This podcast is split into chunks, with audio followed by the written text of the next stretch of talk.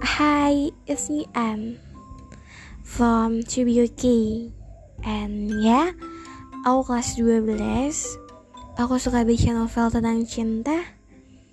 Aku suka menulis. Aku suka nyanyi juga. And of course, aku suka seblak. Oh ya, yeah. aku bikin podcast ini karena aku pengen kalian ngerasa untuk terus baik-baik aja. Semoga juga podcast aku bisa nemenin kalian di mana pun. See you